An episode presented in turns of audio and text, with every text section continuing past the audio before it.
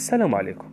سوف نقوم بالتحدث عن اللغة العربية وأهميتها وكيفية تعلم اللغة العربية من حروف أي من الألف إلى الياء وكيف أثرت أو آه، كيف كان لها دور هام في بناء الحضارة الإسلامية العربية العريقة.